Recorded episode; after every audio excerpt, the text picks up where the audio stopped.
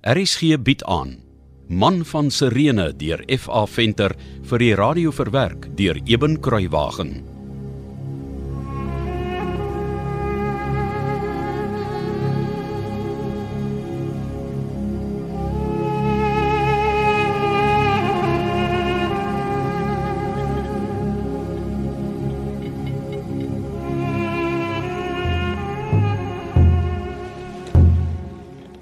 Maar hoe kom die son dan nou skielik uit die noorde uit op? Ek dink nie dis die son nie. Dit lyk my na 'n groot gloed. As ons toe nie net verdwaal nie. Dan is dit die son wat daar opkom. Nee. Kyk wel uit die môrester. Dit kan onmoontlik die son wees. Ja, jy's reg. Maar Simon, wat kan tog so brand dat 'n mens dit so ver kan sien? Gegroet meneer, hè? Ek sien julle kyk ook na die gloed op die horison. Ons bekyk die spilletjie na al 'n hele ruk. Wat gaan aan, kaptein Festus? Is dit dalk 'n vulkaan? Nee, daar is nie vulkane in daardie rigting nie. Dalk 'n bergbrand. As dit 'n bergbrand is, dan is dit die heuwels van Rome wat brand. Is dit waar Rome lê? Ja, my eerste offisier is reg. Dis waar Rome lê. Maar ek twyfel of dit die heuwels van Rome is wat brand. O, hoe Sergus? Nee, kaptein is seker reg. Is dalk die gepepel wat die graanskure by Ostia aan die brand gesteek het. Nero betaal seker weer te min vir die koring van jaar. Nee, ek sê julle wat. Wat sit kaptein? Dalk. Dalk het 'n vurige meisie 'n fakkel in Nonero se rooi baard gedruk. Die ou draak. Hulle moet hom in 'n kalfsvel toedraai en in die leeu ook gooi. Hy gooi mos so graag mense vir die leeu's. Kaptein Festus, doen doen die keiser dit gereeld? Ek bedoel om mense vir die leeu's te gooi. O oh, ja ja ja, vir alles wat verveeld raak. En glo my, hy raak heel dikwels verveeld. Is dit dit hy verskoning soek om mense te laat vang?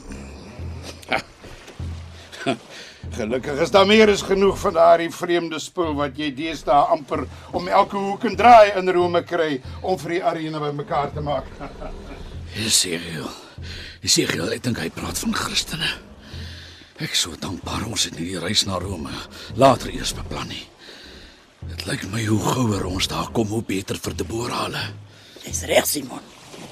As die wind net wil opkom sodat ons 'n bietjie vinniger kan vaar. Dit gaan heeltemal te stadig na my sin. Ek dink tog ek sien 'n rookbank in die gloed daar op die horison. Lyk dit nie vir jou ook so nie? Ja, miskien is jy reg. Die kaptein lyk vir my onrustig.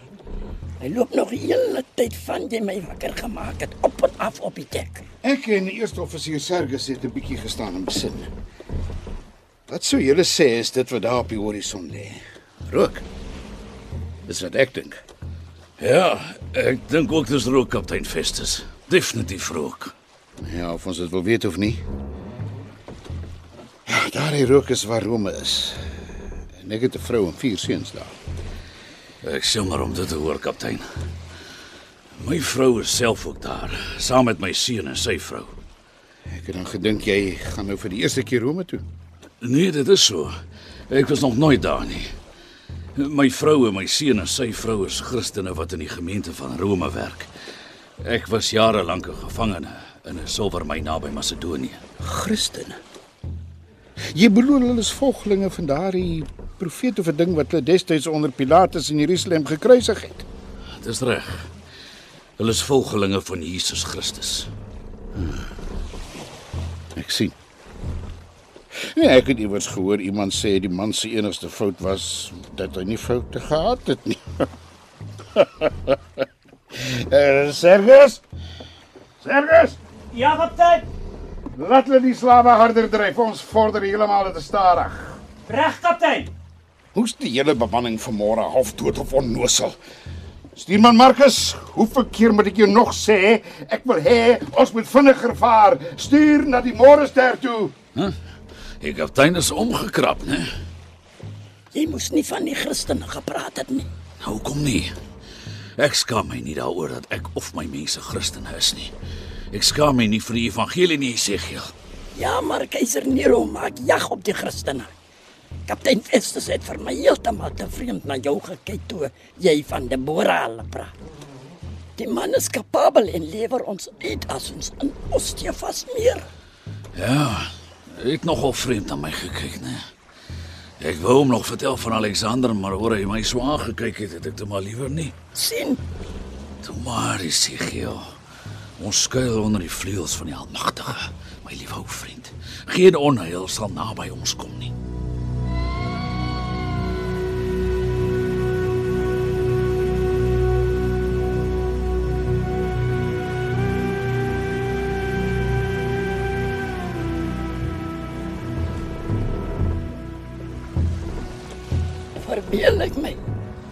Was die gloed nie meer so helder soos gisteraand nie, Simon?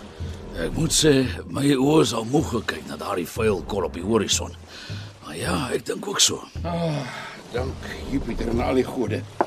Ek en Sergus het besluit die gloed lyk hier teen die middel van die eerste nagwaak. Daarom nie meer vir ons helder nie. Dis presies wat Ezekiel ook nou pas vir my gesê het, kaptein Festus. Dalk is die brand nou al uitgewoed. Ja, kom ons hoop maar so. Wanneer uh, dink jy behoort ons in Ostia aan te kom? As ek die sterre so met die oog meet, sou ek sê môre in die voormiddag as alles goed gaan. As daar weer 'n luggie wat stoot, ons moet maar hoop Akido bly ons genadig en weerhou die noordewind nie weer van ons nie. Ja. Uh, ons is seker maar almal dankbaar daar's weer 'n bietjie wind in die seile. Uh, nou ja, uh, rustige nag, kaptein. Dankie, goeienaand ja. Ek dink dit is 'n goeie idee om te probeer slaap voor ons aan wal stap.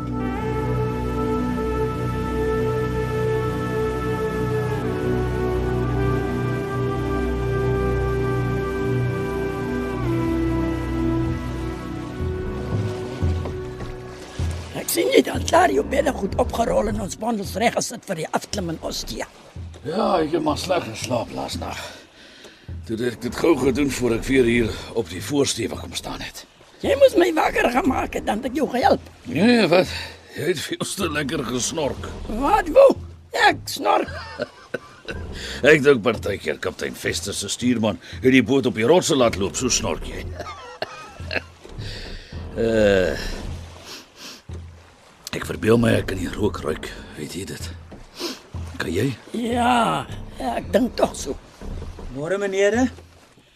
Ek sien julle staan so in die lug en snyf. Môre Sergus.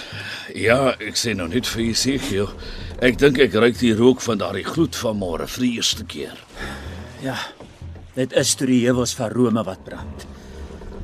Die kaptein het sommer 'n sweep gegryp en self onder die galeislawe ingespring. Hy wil nou met alle mag en geweld by sy vrou en kinders kom. Tog. Die arme drommers. En nou het ek eers behoorlik gaan vuur maak onder daardie spul slawe. Dis dan maak dit ons eers teen son onder in Ostia aankom as hulle so bly roei. Gaan ons uh, nog in die voormiddag daar wees, kaptein? Ons sal in die voormiddag by Ostia aankom. Anders kan Nero die hele boel gelei slawe en tromslaaner as geskenk van my kry. Ek sal hulle persoonlik in kalfsvelle toedra en een-een in die arena vir die leeu's loop voer.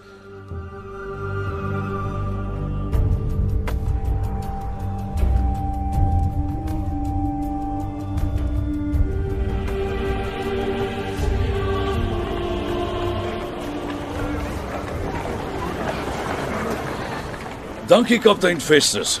'n Mens moet maar altyd dankbaar wees as 'n skip na so lank vaart veilig by sy bestemming aankom, né? Nee. Ja, nee, dit uh, is so.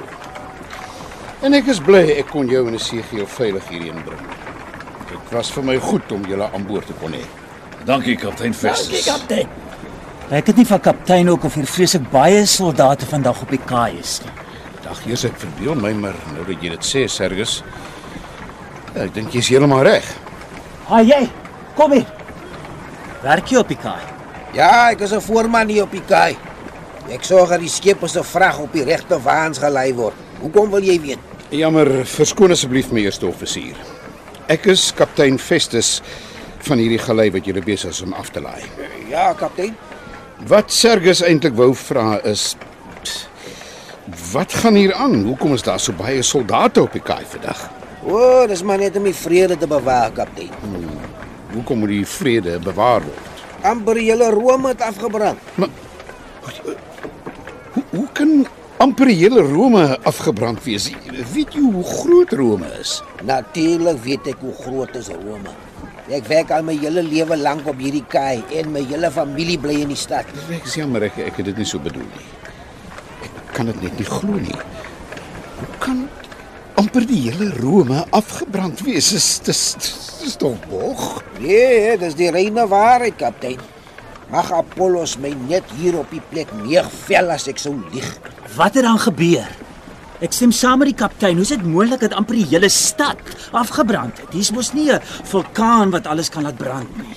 Ek sweer by Apollos en al die gode, dis waar. Honderde mense is dood. Duisende mense het nie meer blyplek nie. Wat het dan gebeur? Vir langer as 'n week was daar net vlamme. Soos 'n see van vuur was dit hier. O, dit was verskriklik. Huise, tempels, alles is verwoes. Die wind het vir 'n volle sewe dae uit die noorde gewy. Aquilo het ons baie swaar gestraf. Hulle kon nie vlamme nie keer nie. Jupiter, wees ons genadig. Pakhuise is heeltemal afgebrand. Daar's nie kos nie. Maar ek verstaan nie, hoe kan amper die hele Rome afbrand? Hoe het dit gebeur? Weet jy? Nee, ek's nie heeltemal seker nie. Toe ons weer sien toe brand die straat agter die forum. Ek weet maar net wat ek op die straat hoor. En, en wat's dit, my vriend? Die mense sê al hoe meer dis daardie Christene wat Rome aan die brand gesteek het. Maar hoekom sou hulle dit doen? Nee, ek weet nie. Party mense sê dit is omdat die keiser mense vir die pret vir die leeu's in die arena gooi. Maar, maar dit dit kan tog seker nie waar wees nie, kan dit? Wie sal weet? Maar die keiser gaan hulle goed en behoorlik straf. Dit kan jy nou maar net weet. Wat maak jou so seker? Ja, want gister was hier 'n klomp soldate op die kei wat van daardie Christene wat op die skepe probeer vlug het, kom aankeer het. En wat gaan van hulle word dink jy? O, party van hulle gaan in velle toegewerk word en vir uitgehongerde honde gegooi word. En die ander? Ek hoor dit gaan alles in die arena gebeur. Die keiser het glo 'n groot dag van pret aangekondig. Nog 'n klomp van hulle gaan nie in die arena met strijdwaans doodry. En as daar nog oor is, gaan hulle kruisig. Ek het net nie gehoor waar nie. Dit is so. Vandag weet ek vir die eerste klomp in die arena vir die leeu's gevoer.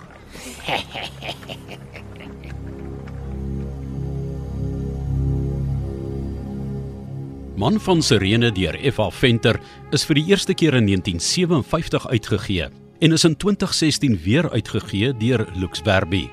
Die produksie is tegnies hanteer deur Cassie Lauis en die verhaal word vir RSG verwerk deur Eben Kruiwagen onder spelleiding van Joni Combrink.